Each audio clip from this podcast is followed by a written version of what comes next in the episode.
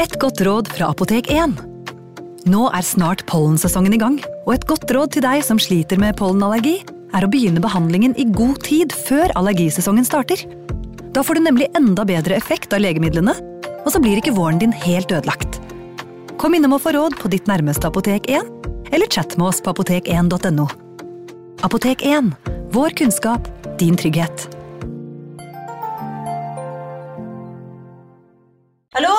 Jeg kommer fra Oslo politikammer.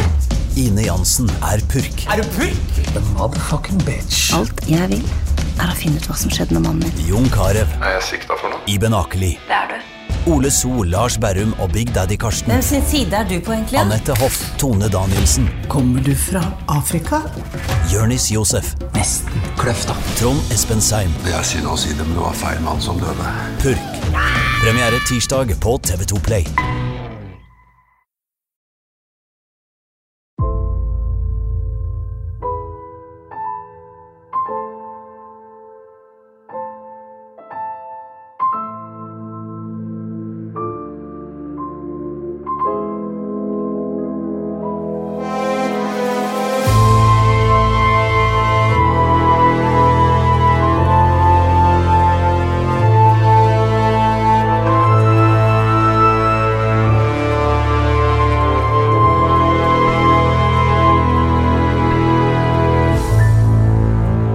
Er på vårt eh, elskede 1700-tall, Torgrim.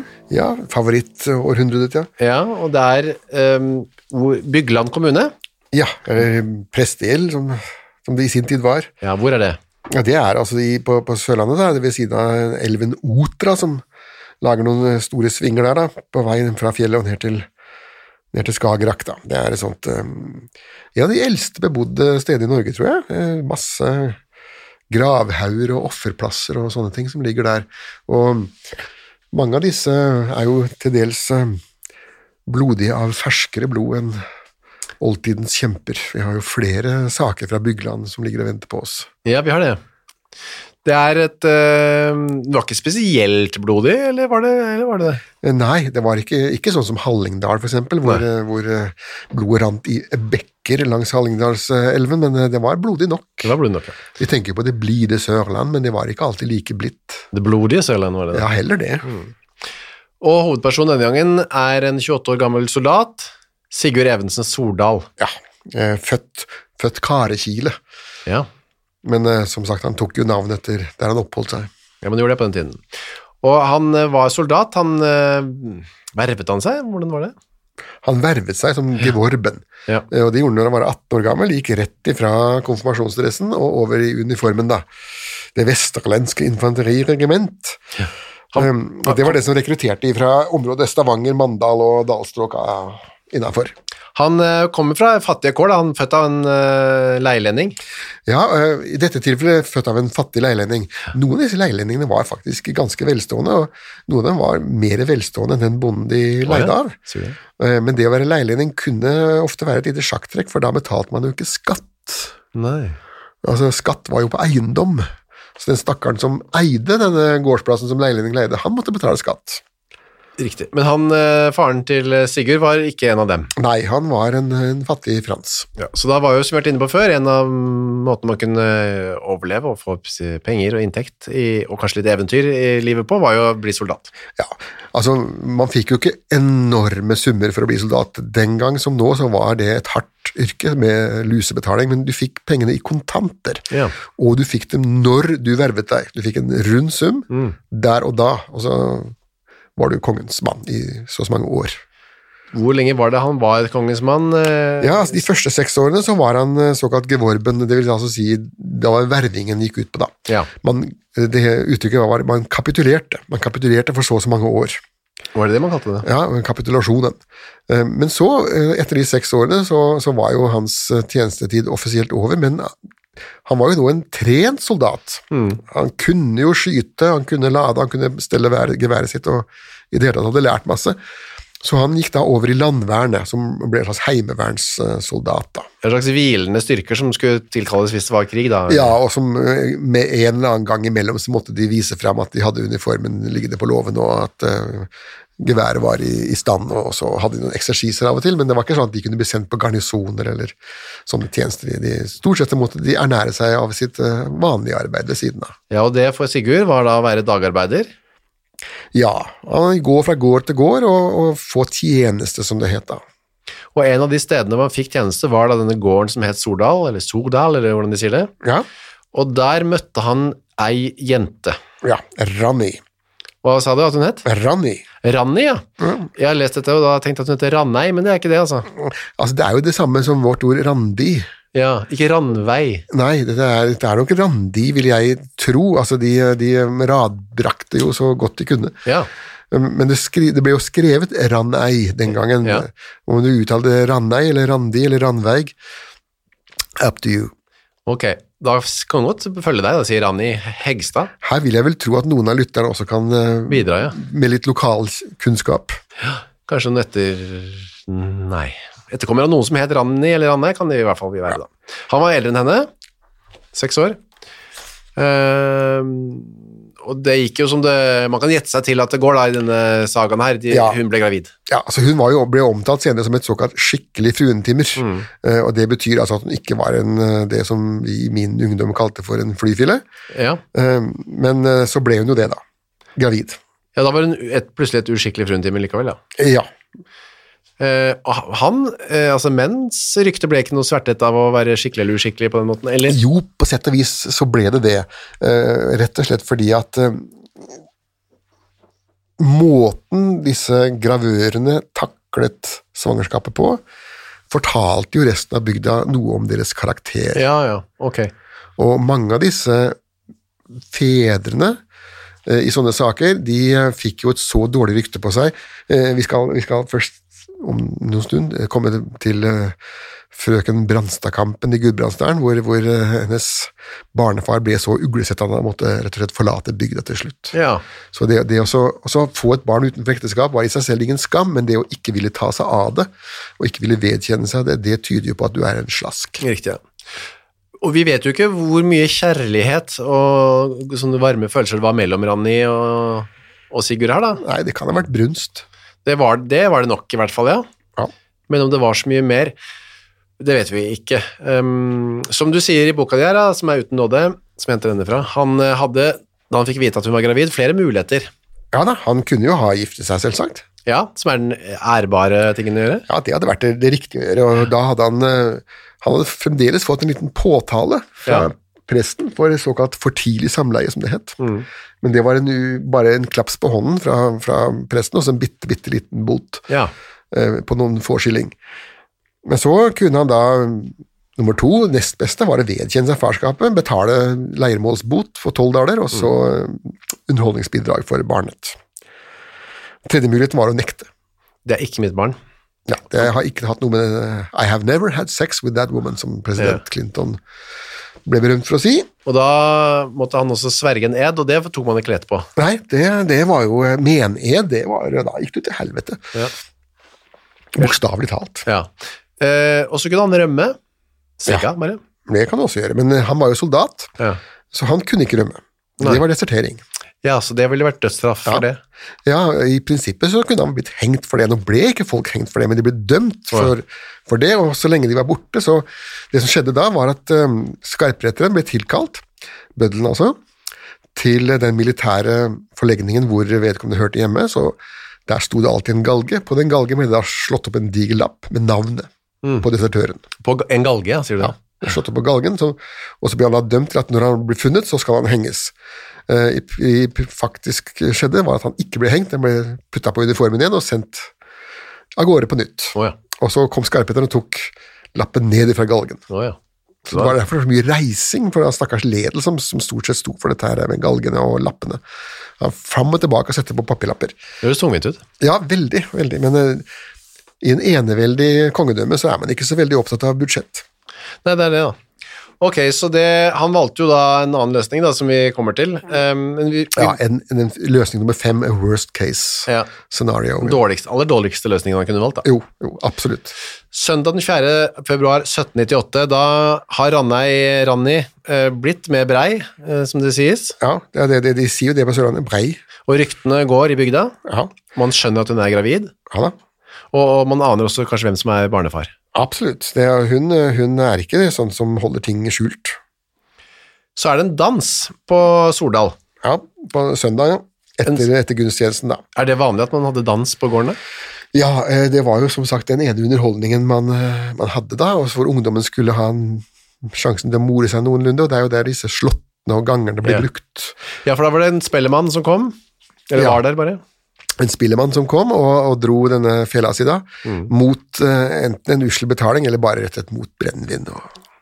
Så danset ungdommen uh, litt sånn der, og så sto de voksne og så på, eller var det sånn det var? Ja, ja, eller de voksne gikk og la seg. Ja, Ja, for det var på kvelden. ja da, det var et, etter gudstjenesten, ja, man, eh, sabbaten måtte være over. Ja, men da det var, altså, det var ikke noe sånn at man holdt helligdagen he- Jo, altså. men det var fram til solnedgang. Og ja, så kunne man begynne å helle Ja. på. Sabbaten varer jo fra solnedgang på lørdag Ja, til solnedgang på søndag. så da var det fram med brennevinet. Ja, søndag, eh, så fort solen hadde gått ned, så kunne man gjøre hva man ville. Ja, så lørdag kveld var ikke noe festkveld. eh, Nei, lørdagskveld, og da hadde sabbaten begynt. Da Ja. sola gikk ned da, så var det Rynket man på nesen av kortspill og, og dans. Så det var søndag kveld som var liksom partykvelden i gamle dager. Ja. Så også denne 4. februar, så var det kaldt ute, kan vi tenke oss, og snø var det i hvert fall. Eh, Ranni, eller Rannei, eller pokker du sier det, hun dansa kanskje ikke så mye. Hun var, det må Nei, hun var jo, var jo høygravid. Ja. Hun pirker Sigurd, sin uh, kjære, på skulderen og sier 'vi må snakke sammen'. Ja. Vi må snakke sammen, og så, for å smøre ham litt, da, for å prøve muligens for å få et bra resultat av den samtalen, så gir hun ham brennevin. Først så går de ut, da, og, men så kommer mora til Rani Ranni ut. Hva er det dere snakker om? Og da må de trekke seg unna. Og gå opp på øh, fjøsloftet, ikke sant? Jo. Inn på fjøset, opp i annen etasje der. på en Ja. måte. ja. Altså hemsen, eller hva man skal kalle det for. Ja, det ligger et sånt, hva, det er vel et sånt oppbevaringssted, det. Ja. Mens høy og sånn ligger vel ofte i første etasjen. Ja, oppå loftet der får de lov til å være i fred, det er varmt og godt, kan vi tenke oss, i hvert fall litt. Ja. Det er veldig mørkt da, vil jeg tro. Ja, det, det, det er det nok, men det, med tanke på hva som nå skulle skje, så var det kanskje en fordel at det var litt mørkt. De hadde med seg et stearinlys, kanskje, eller en lampe. Nei, stearinlys eh, er eh, muligens en fakkel, muligens en, en lampe, men ikke stearinlys. Eh, Det, det hadde man ikke. Det, Det gikk noe sånt talglys, jo, jo, talg eller, eller, eller voks, Voks, hvis, du, hvis du var veldig rik. Men vokslys var kjempedyrt. Hva var det det? Ja, det var, det var presten, og kirkene hadde det. Ja, hun gir eh, Sigurd en beskjed, jeg er gravid, det visste han kanskje. Det hadde nok eh, visst lenge, ja. Hun vil kanskje planlegge, det er det hun vil, kanskje planlegge litt. for. Altså Det hun vil vite nå, er jo har du tenkt å vedkjenne seg dette her? Ja. Blir det, skal vi gifte oss, eller blir det betaling, eller hva, hva, hva Nå er det ditt utspill. Og mens du tenker, så drikker du denne peilen, eller peglen, eller hva? Ja, en flaske brennevin, ja. en flaske, som han bare heller nedpå da. Ja, på styrten. Han manner seg opp da, rett og slett, er det han gjør her. Ja, for å forberede seg til det han skal Det kan jo også være at Sigurd nå føler seg under et visst stress. Mm. Fordi at han er jo klemt litt her mellom to eh, randeier, han. Ja, for det finnes en til. Det er nemlig søstera hans. Og, og denne søstera hans vil ikke at eh, Sigurd skal gifte seg med den andre Ranei. Eh, For det, det er under hans eh, verdighet, da. Ja. Det er, hun, hun er ikke noe, det er ikke noe framtid i å gifte seg med denne, denne randei som han har hatt barn på. Så at søster Ranei eh, har fått imot den gravide Ranei. Ja, så der er det et sånn trekant, merkelig, merkelig trekantforhold. En, et litt besynderlig trekantforhold, hvor, hvor Sigurd, eh, som da har, har tidligere brukt uttrykket dott, Ja. Noen sier også tøffel, Ja. eh, under denne søstera si, da. Ja, hun, s- mas, hun er veldig mot denne kjæreste kjærestegravide Rani og Ranei, Ja. Og vil at han skal gjøre ting med henne, og det gjør også Sigurd når han har tømt denne brennevinsflaska. ja han eh, tar eh, kniven, rett og slett, og skjærer over halsen hennes i ett meget eh, dypt snitt. Altså, han klarer da å skjære over både halspulsårer og strupe og spiserør og hele suppedasen. Det eneste som er igjen nå, det er altså da ryggraden, for den, den sitter jo litt hardere, da. Sånn halshugger henne nesten. Ja, så å si. Så å si. Så tar han av en eller annen grunn, legger eh, liket ned i første etasjen på fjøset. Ja, og så kommer da det amatørmessige igjen. da. Eh, Han presser nå en kniv eh, inn i hennes hånd, Eh, Men den kniven er jo rusten og ikke blodig. Nei. Og veldig gammel, ja. Ja, for dette skal se ut som et selvmord. Det er klart, det han skulle ha gjort, var å gi det, lagt en, hans sin egen kniv. Men som vi har vært inne på, kniver var jo den gangen ikke konfeksjonsvare. Alle visste hvem som eide de Ja. forskjellige. Så hvis Alle det var din kniv, så var det som et DNA. Ja, nesten som DNA-beviset. Så det gjør han, og stikker. Utenfor denne døra står da den nevnte mm, søster, Anne. Mhm. Hun står og henger og lytter, Ja. sammen med en. Ja. Hun står her og lytter, ja, og um, Hun har med seg en liten jente som heter Gunvor. ja, hun, det er fordi hun var mørkredd um, og ikke ville gå noe, noe sted. Men hun står iallfall og lytter etter, og sannsynligvis så lytter hun etter for å se etter hva, eller for å høre etter hva de to er blitt enige om, da. Vi kommer tilbake til hva de hørte. Um, neste dag ja, Sigurd stikker, da. Skal mora til Ranei, altså den første eh, gravide Ranei, ut for å gi kyrne litt mat, går opp til fjøset og ser at det slåen til døren er eh, åpen. Ja, og der ligger dattera, innerst på gulvet, blod full av blod. Ja, eh, hun ligger da i første etasje med Ja, hun ser kanskje ikke så mye, for hun løper ropende og falt, faller i avmakt. Ja, hun dåner, hun også. Det var, det var veldig mye dåning Ja. på 1700-tallet, både reell og, og kunstig ja. dåning. Um, Men at hun dånte her, det er jo ikke så rart kanskje at moren dø, at hun ser moren, nei, datteren på den måten. Enhver har jo sin måte å reagere på, selvsagt, men eh, hun kunne jo ha sjekket det som det var liv i jenta, da, kanskje. Ja. Det er det andre som gjør, for de kommer, men ser, hun- de ser at hun ligger der med denne strupen skåret over og en rusten kniv i hånda. Men det ligger også veldig sånn pent. Ja, eh, noen har, noen har ryddet. Ja. Noen har ryddet liket, da. Samlet beina og Begge hender på brystet, blant annet. foldet foran. Ja, så ligger som hun skal i kista. Ja. Litt blod bare rundt henne, ikke så mye, men oppå i annen etasje finner ut, der er det veldig mye blod. Ja, for der Hun tømte jo, altså når du skjærer over halsen, så tømmes jo de seks literne, med, eller fem literne da, som en jente har. Nå er hun høygravid, la la oss si seks liter, da. Det tømmes jo da veldig fort ut. Så oppe i annen etasje er det masse, masse Ja, blod. la, oss, la oss tenke oss en sånn fire, fire liter da, før hjertet stopper opp. Så. Ja. Du kan prøve å helle ut fire liter på gulvet hjemme og se hvor mye det er. Ehm, I det blodet oppe så kan man se et, eh, et avtrykk på den ene veggen. Av et menneskes blodige hånd. Ja. Også en på fjøsdøren, er det det? Og Ja. ute, utenfor fjøset, i den hvite snøen, finner man noen avslørende spor, da. Ja, noen har tørket eh, hendene sine der, Ja. eh, og kniven også. Og så ser man tydelige merker etter en voksen manns føtter. Ja, det har vi sett før. Det er et veldig sånn inkriminerende bevis. Eh, Det er ikke noe vits å skylde på selvmord når du selv har tråkket Nei. i snøen. For at en, en død dame kan ikke løpe rundt i snøen og, og, og tørke, vaske hendene sine. Nei. Men så kommer da Sigurds mor, Ja. eh, Joranda, løpende til og napper den rustne gamle kniven ut av den dødes hånd og, og roper 'se her'. Dette viser hvordan hun har eh, tatt livet av seg selv. Mm. Veldig raskt ute med å konkludere der. Påfallende Mm. raskt ute. Ja, og det blir vel ikke noe mer sånn spørsmål rundt det der. Nei, og det naturlige spørsmålet er det da hvordan har han klart å skjære av seg huet, og så tatt seg en liten tur ut i snøen, eh, vaska hendene sine, og så lagt seg pent og rolig tilbake, foldet hendene på brøstet og samlet bena for å anstendighetens skyld. Et spørsmål det blir jo da ikke Nei. stilt. Det ble kanskje tenkt, men eh, Ja, tenke det og forestille seg det kanskje. ja. Eh, Sigurd, han hadde sovet hos noen venner, så han hørte dagen etter hva som hadde skjedd, eh, og like til Rannes, så sier han til der hvor han har vært den da, Gud skje takk at jeg lå hos deg i natt, så kan du ikke tenke noe om meg. Det er jo Det er jo så pussig at ikke folk klarer å holde kjeften når de er i sånne vanskelige situasjoner. Mm. veldig mange av våre helter eller antihelter her har jo blitt tatt nettopp fordi de ikke klarer å tie stille. Denne mm, saken kommer til stiftsamtmannen i Kristiansand 12. februar, altså det er da hvor lang, det er sju dager omtrent. Mm, Ja, eh, Det går så fort som, som man kan få gjort det, da. For da var det en eller annen rytter da, som tok med seg en eller annen Ja. Ukas annonsør er Cura of Sweden. Visste du at verdens søvndag feires den 15. mars? Nei. Det er en dag som er til for å skape oppmerksomhet rundt dette med søvn. Og så er det en god anledning til å tenke over dette med egne søvnvaner. Jeg er jo veldig glad i å sove, jeg er også glad i å tenke på å sove, og så veldig glad i å glede meg til å legge meg. Jeg så på Squid Game med familien her eh, rundt juletider. Der legger jo deltakerne seg eh, hver kveld da, i sengene sine, og da, det kunne jeg nesten synes var høydepunktet av Squid Game, var når deltakerne la seg. Jeg synes det så så deilig ut å legge seg.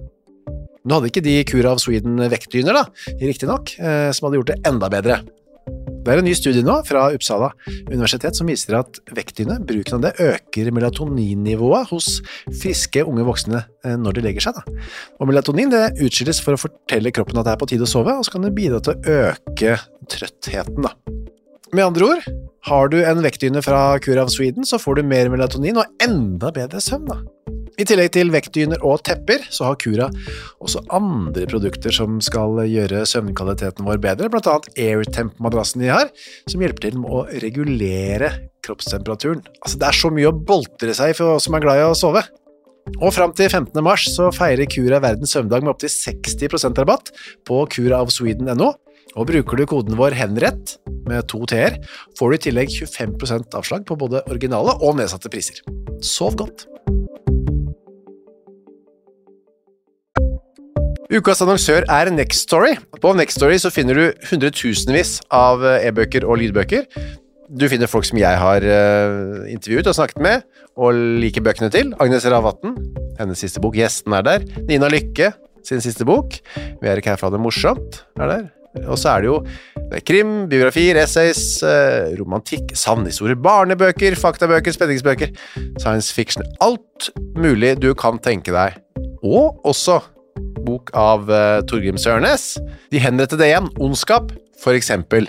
Det er da uh, Torgrims gjennomgang av en del av sakene fra 1800-tallet, som endte da med halshugging, som de gjerne gjorde. Uh, for eksempel Kristoffer Svartbekken, denne snikmorderen fra um, Elverumsdraktene, som pryder også coveret, ser jeg, skummel type. Eller da, som sagt, forferdelig mye annet. Gå inn på nextstory.no skråstrek henrettelse registrer deg der, så får du seks uker gratis tilgang til nesten uendelig mange bøker. God fornøyelse! En, en nest, nestemann som drar ned til Kristiansand, eh, Ja. får med seg dette brevet til, til eh, stiftsamtmannen. da. Han sender en kirurg opp for å obduks, obdusere Ja, en bataljonskirurg, Heckel. Ja. Eh, mange av disse bataljonskirurgene hadde jo tyske navn, men det var jo rett og slett fordi de var tyskere. mange av dem. Det var også en eh, koren som ble sendt opp, en sorenskriver, for å ta opp et forhør. Ja. ja da, eh, for dette er jo liksom litt utenfor allfarvei, da, bygda her. Ja. Men iallfall bataljonskirurgen, han finner ut at dette her er dette kan umulig være et selvmord. ja. Det går ikke an å skjære så hardt. Nei, altså, det, det, det, det får man ikke til. Så dette her må ha vært gjort av en, eh, av en eh, kraftig, en, en, sterk mann, Ja. med et skarpt instrument, og den kniven som ble funnet i, i, hals, i hånda til hverandre, den er jo overhodet ikke velegnet til den slags. I tillegg så er det også det at menn og kvinner har jo forskjellige måter å ta livet av seg på. Eh, Kvinner har jo en veldig forkjærlighet for, eh, for enten gift eh, eller å henge seg. Eh, Menn de skyter seg, eller drukner seg, eller blåser seg i lufta med dynamitt. Altså man, menn er litt mer dramatiske Ja. i, i sin måte å forlate denne verden på, mens kvinner er litt mer diskré. Og, og det kan virke som om, som om de til en viss grad også, hvis man har holdt på lenge med selvmordskasus, at de, de er litt mer opptatt av å være et ryddig lik, et Ja. pent lik, mens menn gir mer blanke i det de skal ut av denne verden og ferdig med det. Så at det var et selvmord, nei, det tror man ikke noe på. I tillegg var hun gravid, høygravid, Ja, så det blir et dobbeltmord. ja for eh, dette fosteret kunne da ha levd. Ja. Og, og da, i det øyeblikket man sa det, så var det da en dobbeltmorder. Og i og med at disse ryktene hadde gått, man visste sannsynlig hvem som var faren, Sigurd, så er det ikke så mye å lure på hvem man skal etterlyse her. Nei da, men stikkordet er jo etterlyse. Ja. Eh, Stikkordet her er etterlyse. Eh, Han hadde jo da flyktet. Aller først så snakket man med denne eh, Gunvor, fikk man tak i. Ja, den lille, lille jentungen, ja. Hun hadde stått utenfor og lyttet sammen med en søster av meg. Mm. Og de hadde hørt det som om et menneske pustet stygt i fjøset. Ja. Og så hadde de gått hjem, og da hadde Ranei, altså søster Ranei, Ranei, også besvimt. ja. Altså Det var jo veldig vanskelig for eh, damene her å holde seg på beina, Beina, ser ut for. Men da hun våknet opp igjen, så, så hadde hun da sagt nå, nå skal jeg forsøke å lese sørlandsdialekt. da, Ja. det- fra 1700-tallet. Men iallfall Å gjøy mamma, Gud bære noe han Sigurd, så dersom jeg ikke rymer, enten tager deg han, ellers rymer han. Jeg syns det var bra, jeg. Takk, takk. Og jøy, hva vi skal det bety? Altså, å jøsse yes, nammen, eller Gjøy. Jøy. Ja. Um, Pussig nok, eh, helt opp til Senja så uh, sa døende mennesker på 1700-tallet å gøye, gøye. Å ja. Um, uten at jeg er helt sikker på om det er det samme som jøye, jøye på, på, på Sørlandet. Det er jo tross alt noen mil imellom. Gøye, gøye. Ja. Um, Ranne selv da, ble også innkalt, men hun um, var ikke noe behjelpelig. Eh, Tvert imot, altså søstera mi sto på sitt. Nei, eh, broren hennes hadde aldri hatt noe som helst eh, varme følelser for den døde Ranei, og hadde nektet for at, nektet for at Hun var gravid, ja. ja, gravid. Hun hadde svoret eder på at hun ikke var hverken brei eller svanger. ja. Um, og um, da hun hadde vært ute på den natten der, så hadde hun vært ute for å lete etter, etter uh, den gravide Ranei. Og hadde også hørt denne pustingen og snorkelen, da, men jeg kan ikke huske å ha sagt noe. Nei, hun hadde ikke sagt noe til vesle Gunnar, nei, hun hadde bare gått og lagt seg. Ja. Det, det vi blir ikke tatt for god fisk, dette her. Sorenskriver syns ikke dette høres sannsynlig ut. Nei, koren, han, uh, koren er litt mer inngående her, og til slutt så får han Ranei til å si det at ja, kanskje de lydene hun hørte, kunne ha fått henne til å hen tenke at det kunne foregå et mord. Ja. Men hvem det var som var morderen eller den myrdete, tenkte hun ikke mer på. Nei. Og hvor sannsynlig dette her fortonte seg for koren, kan man jo bare spørre om. Da prøver man å få tak i Sigurd. Man er ganske sikker på at eh, man skal ha tak i han, men han er borte. Ja, han oppholdt seg i Kristiansand, han, mens dette her foregår. Og Så drar han til, pussig nok tilbake igjen til Bygland og, og begynner å, å kretse rundt, uh, sannsynligvis for å prøve å finne ut hvordan dette går. Eller, og sover rundt i fjøs og lover og prøver å holde seg skjult på nattestid og, og snike til seg informasjoner.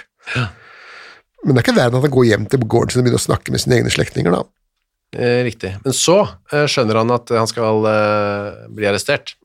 Ja, Poenget var nemlig det at han var jo militær, eh, som sagt, og sorenskriveren mener jo da at det er jo kompanisjefen som får arrestere ham, mens kompanisjefen han hadde ikke noe hastverk med det. Han var, jo, han var jo opptatt av andre ting, han skulle holde sesjon og greier, og da ja, fikk vente med den arrestasjonen til det. da, og I mellomtiden så stikker jo, stikker jo Sigurd Soldal av. Han sier til slekta si før han stikker, Gud hjelpe meg og styre meg på den rette vei. Ja, Og den rette vei, det var da Sverige. Det er et stykke, eh, han hadde ikke noen annen framkomstmåte enn sine egne føtter. Nei da, men det var jo bare et raskere, han var jo en soldat. Ja, bare å altså, gå til Sverige fra Bygland, det. Ja, det setter jo tremilsmarsjen som vi var gjennom, med et litt underlig lys. Ja. Han- Men det går bra, det. Ja da, han kommer seg over, over grensa helt ned til Bohuslän, og der får han eh, arbeide hos en eh, bonde, da. Det er altså, Hva gjør han underveis? da? Bare eh, banker man på og spør om å få sove? Så. Ja, eller, eller bare går inn på en låve man finner, Ja. og så, ligger man der til morgengry, og så går man videre da, og rapper kanskje en skinke her og en ost der, Ja, for man må jo ha mat òg. ja, det må, kan man jo da stjele. Ja, kommer seg til Sverige, som du sier, og da i mellomtiden så er det jo mer um, forhør og avhør i Bygland, da. Ja, og, det, det, soren, sorenskriver, både sorenskriveren tar jo opp, tar jo opp forhøret.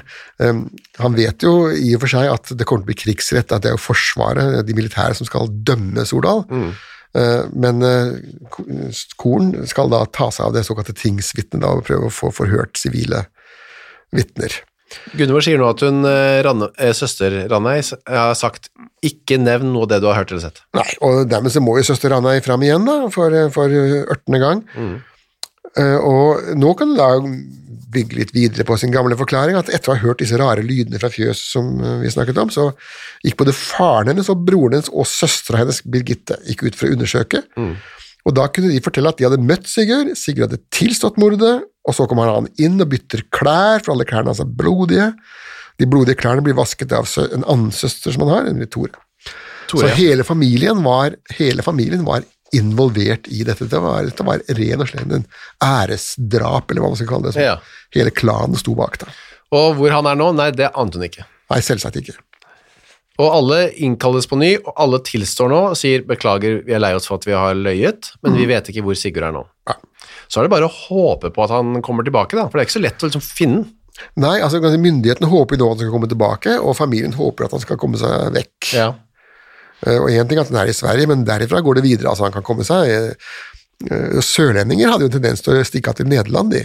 Ja. Uh, kortest vei over, eh, over havet. Eh, Nå har jo han allerede kommet til Sverige, da, men derfra går det videre passasje. Han kan verve seg i den svenske armé, og han kan ende opp i eh, på denne tiden her, Han kunne faktisk ende opp i Stralsund eller Nord-Tyskland eller hvor som helst. Han var egentlig i prinsippet home free, han kunne bare gjøre hva han ville. Ja, han kunne det. Men så er det noe som lokker og, på han der hjemmefra. Ja, og det er helt ubegripelig hva det skal være for noe, for at det er jo ingenting som venter han hjemme annet enn en straff. Altså Det er ikke noe sånn Soria Moria-slott eller en bondegård med 14 mål tomt, eh, eller noe sånt. Det er ikke det. Det er, det er, det er bare straff og mer straff. Ja, men Likevel så har han en hjemlengsel, da, sier han etterpå. Ja, så Han da klarer da å sende smugle sånne brev da, tilbake til, eh, til den nærmeste militære myndighet, da, som er Fredrikshall og Fredriksten. Ja. Og til og, med, til og med en såkalt auditør, da, som er en sånn militær dommer, eller jurist. Uh, og om det gikk an, hvis han kommer tilbake frivillig, om det da hadde gått an å få en nedsatt straff, Ja. eller i hvert fall kanskje en symbolsk straff, eller Så det virker jo ikke som om han på en måte har skjønt det forferdelige som han har gjort. Eh, Og det at han ikke gjør det, det forteller meg iallfall at eh, vi har å gjøre med en psykopat. Ja, riktig.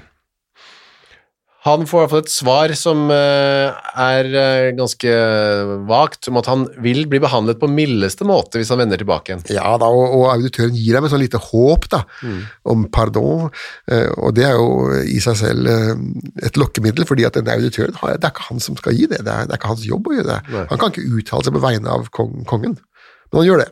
Og 5. juni 1798 går da Sigurd Stordal eh, tilbake over grensa, inn i, på garnisonen i Halden, Melder seg for, i løvens eh, hule, da, for å si det sånn, i løvens munn nærmest. og blir arrestert og sendt til Kristiansand. da. Ja, For å da, slippe å gå da, antagelig hele den veien tilbake. ja eh, fra Halden og til Kristiansand så vil jeg jo tro at det var eh, båt de brukte. Ja, riktig. ja. Kanskje hans siste feil, holdt jeg på å si. Da. Ja, det var det med Larvik Line som ikke kjørte over der, men det var noe tilsvarende. da. Så kommer han til eh, Kristiansand, der er det krigsrett, så det er ikke en sivil eh, rett, siden han er soldat. Ja. Og så er det begynne å forklare seg, da. ja, og da kommer igjen, eh, som vi har vært borti så mange ganger før, at man klarer ikke å holde seg til én historie. Nei. Eh, De som gjør det, de, de få som, som klarte det, de, de, de gikk de ofte ikke så gærent med. Nei. Men det, når de begynner å surre med hva de har gjort, og komme med den ene versjonen og det blir sånn, eh, Dette er mine prinsipper, og hvis ikke du liker dem, så ja, så har jeg andre. Ja. Eh, Og dette er hans forklaring, og hvis ikke dere syns den er bra nok, ja, jeg har flere forklaringer. Mm. Han har jo hatt ganske god tid på å tenke ut hva han skal si her òg. Ja, og den tiden har han ikke brukt til noe fornuftig. Nei, han har bare vært i Bohus og hyppa poteter for den svenske bondestanden. Han sier først at uh, han ikke visste at hun var gravid før den samme natten ute på fjøset der. Ja, og så, idet de skal gå på fjøsloftet, så tar han rundt en takbjelke for å støtte seg, og der ligger en kniv. Plutselig så ligger det da en kniv i hans høyre hånd, og så Ja. er alt svart.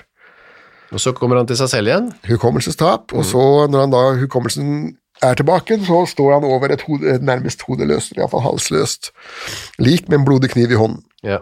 Han vet ikke hva han har gjort. Han er, det er hans onde lune som har gjort det, sier han. Ja, Og liket har falt ned fra annen etasje, da. Ned. under dødskampen. Eh, nå er det jo ikke noen dødskamp å snakke om når du har fått skåret av deg eh, halsen, da. Nei. Da er det jo dau. Og de rører jo ikke på seg da. Så viser man fram den kniven som han har funnet, da, visstnok på bjelken.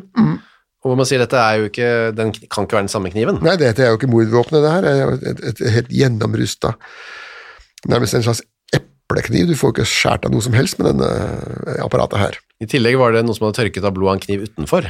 Ja. Så da var den eh, delen av forklaringen ikke så spesielt troverdig. Nei, og Så dukker det opp masse vitner som sier at eh, Sordal har jo visst om denne graviditeten i ukevis. Det er ikke noen bombe som kom den kvelden, er det. Han har jo sjøl snakka om det til venner og bekjente. Så er det andre forsøk prøver, ja, Så prøver man å liksom få sinnssykdom, da, som et eh, straffereduserende Ja, det ble avfeid med en gang, fordi at eh, hele hans atferd viste jo at det at han stakk av, viser jo at han visste hva han hadde gjort. Eh, sinnssykdom den gangen, sånn som det fremdeles til en viss grad er i, iallfall i engelsk rett, vet du hva du gjør, og at det du gjør er galt. Hvis ja på de spørsmålene der, så er du altså ikke rettslig sinnssyk. Og slik lå det an den gangen. I og med at han stakk av, så må han ha visst at det han hadde gjort, var galt. Ja. Kan tenke seg at han begynner å få mer med kalde føtter. Søren at jeg ventet tilbake, det var ikke så spesielt smart, det. Nei. Eh, Det var nok en, og det må han etter hvert ha innsett at det var en, en eh, gigantisk eh, tabbe. Så han endte opp med å bli dømt eh, etter denne forordningen, han også, da. Ja. Grove morderes straff. Ja, med glø, glødende tenger og eh, hele pakka, men mm. Så det ble litt vel sterkt. Det ble sterkt, ja. Ja, og det ble faktisk såpass sterkt at uh, kronprins Fredrik, som da satt med satt med, hva skal vi si, ansvaret den gangen, da. mm. uh, uh, I 1783 så hadde jo kong Christian, eh, den gale kong Christian, hadde da blitt avskiltet, holdt jeg på å si. Han var fremdeles konge, men han fikk ikke lenger ha noe med regjeringen å gjøre i det hele tatt, sånn at kronprins Fredrik hadde tatt over hele greia ved et, ved et statskupp. Ja. Så det var jo kronprins Fredrik, den senere Fredrik den sjette, nå, som, som hadde benådningsmyndigheten, og han mente at denne her brenningen med de her glødende tengene og greiene der, det var en levning av middelalderens grusomme straff. Ja.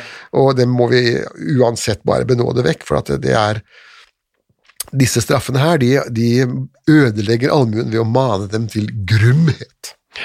Så da var det bare den mer siviliserte halshuggingen. Eh, Ja, og så skulle resten opp på staker og steiner og hjul, det, skulle, det skulle de jo da. Må ta ett skritt av gangen, ta ikke alt på en gang. Nei, nei, nei, altså sivilisasjonen går framover med ett bein foran og to bein bak. Ja. Så det var det. Han slapp altså unna knippingen, men halshugges, det skulle han. Men hvor? Hvor, ja? Han satt jo i Kristiansand, mens eh, de militære mente at det var få ham opp igjen eh, til Setesdal, det området der, og få hogd huet han der, da. Og det sier de er delvis av da det er i den samme egn hvor delikventen har begått dette mord. I en kort tid er skjedd flere snikmord, men gjerningsmannen av mangel på fullstendige vitner har unngått straff. Ja, Så det har vært mye mord, men eh, ingen ja tør å blodet, si blodet renner ganske friskt i det området der i denne perioden. Så vi trenger å eh, avskrekke folka der oppe med se åssen det går. Ja, nå, nå må det ha- noen som skal henges opp og vises fram. Mm. Og det ble det. Ja, rett ved fjøset, der hvor ugjerningen skjedde. Ja, mellom to store furuer så, så ble han da avhugget den 6. november i Men 1798. Men før de kom så langt, um, så kommer altså eh, Sigurd, da ble han ført inn bort og fram til Skafotto. da er det jo igjen her da, som det var med Sevli-gutten for noen ganger siden, sies det etterpå at han trallet på en, eh, en sang da. Ja, leppene beveger seg både før og etter eh, døden, og den Ja. sangen er jo Sordølen, da. Ja, den sånn gangar. Skal vi høre på den litt? Så sier sikkert du at det var nok ikke det han gjorde, han var ikke noen komponist, så Sigurd, han var en soldat en morder, men la oss tenke at han var denne her han gikk og nynnet på da.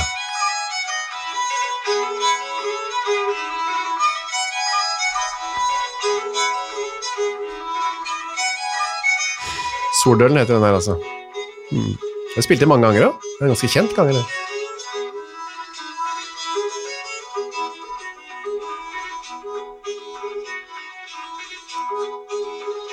Rykker det i dansefoten, Torgrim? Nei, Gjør ikke det?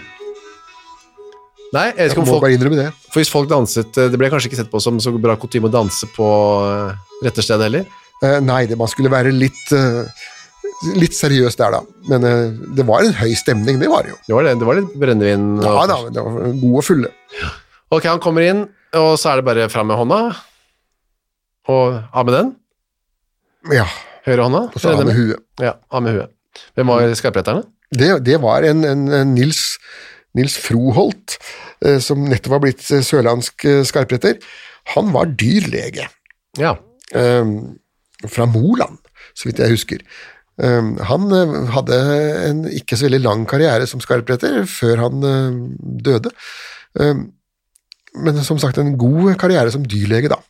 Han kunne nok, eh, og ikke akkurat vaksinere bikkja, så kunne han iallfall kastere hesten. ja, eller kappe huet av Sigurd Sola, som han gjorde. Ja, det gjorde han også, ja. Det gikk ikke galt, det. Han klarte det. Nei da, men det som da ikke ikke skjedde, det var jo at familien, til Soldal, som jo var de som hadde stått rundt og Heiet, ja.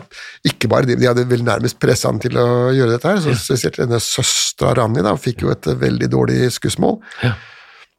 Etterpå, ja. Eh, Og eh, det skrives jo, eh, de som har oppsummert saken senere, at eh, denne Rana hun ble da gjenstand for befolkningens uvilje i den grad at hun var nødt til å forlate stedet. Så hun måtte da forlate bygda. De visste hva hun hadde gjort. Ja. Og hun rømte. Og den gården ligger der fremdeles, den Ja da, ja da den er fremdeles der. Er de etterkommere, de som er Nei, det kan jeg ikke tenke meg. Nå, nå snakket jeg vel litt mot bedre Det vet jeg rett og slett ikke. Nei. Men det, det er vanskelig å tenke seg at de er det, og hvis de er det, så Håper jeg ikke de hører på endelsesboken. får vi satse på at de hører på noe ønskekonserten Ja, istedenfor. Takk for denne uken, eh, Torgeir. Jo, vær så god, du. Vi ses igjen. Vi gjør det.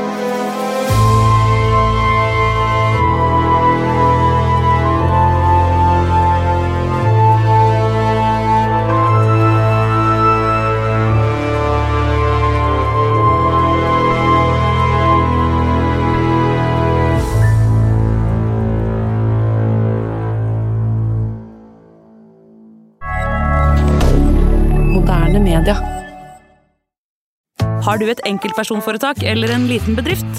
Da er du sikkert lei av å høre meg snakke om hvor enkelt det er med kvitteringer og bilag i fiken, så vi eh, gir oss her, vi. Fordi vi liker enkelt. Fiken superenkelt regnskap. Hei, takk for at du hører på Henrettelsespodden. Skulle du ønske at du kunne høre en ny episode av denne podkasten hver eneste uke?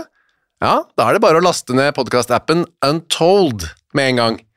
I tillegg til at du får da Henrettelsespodden en gang i uka, så får du andre ukentlige podkaster som Historiepodden, True Crime-podden og Gangsterpodden, for å nevne noe.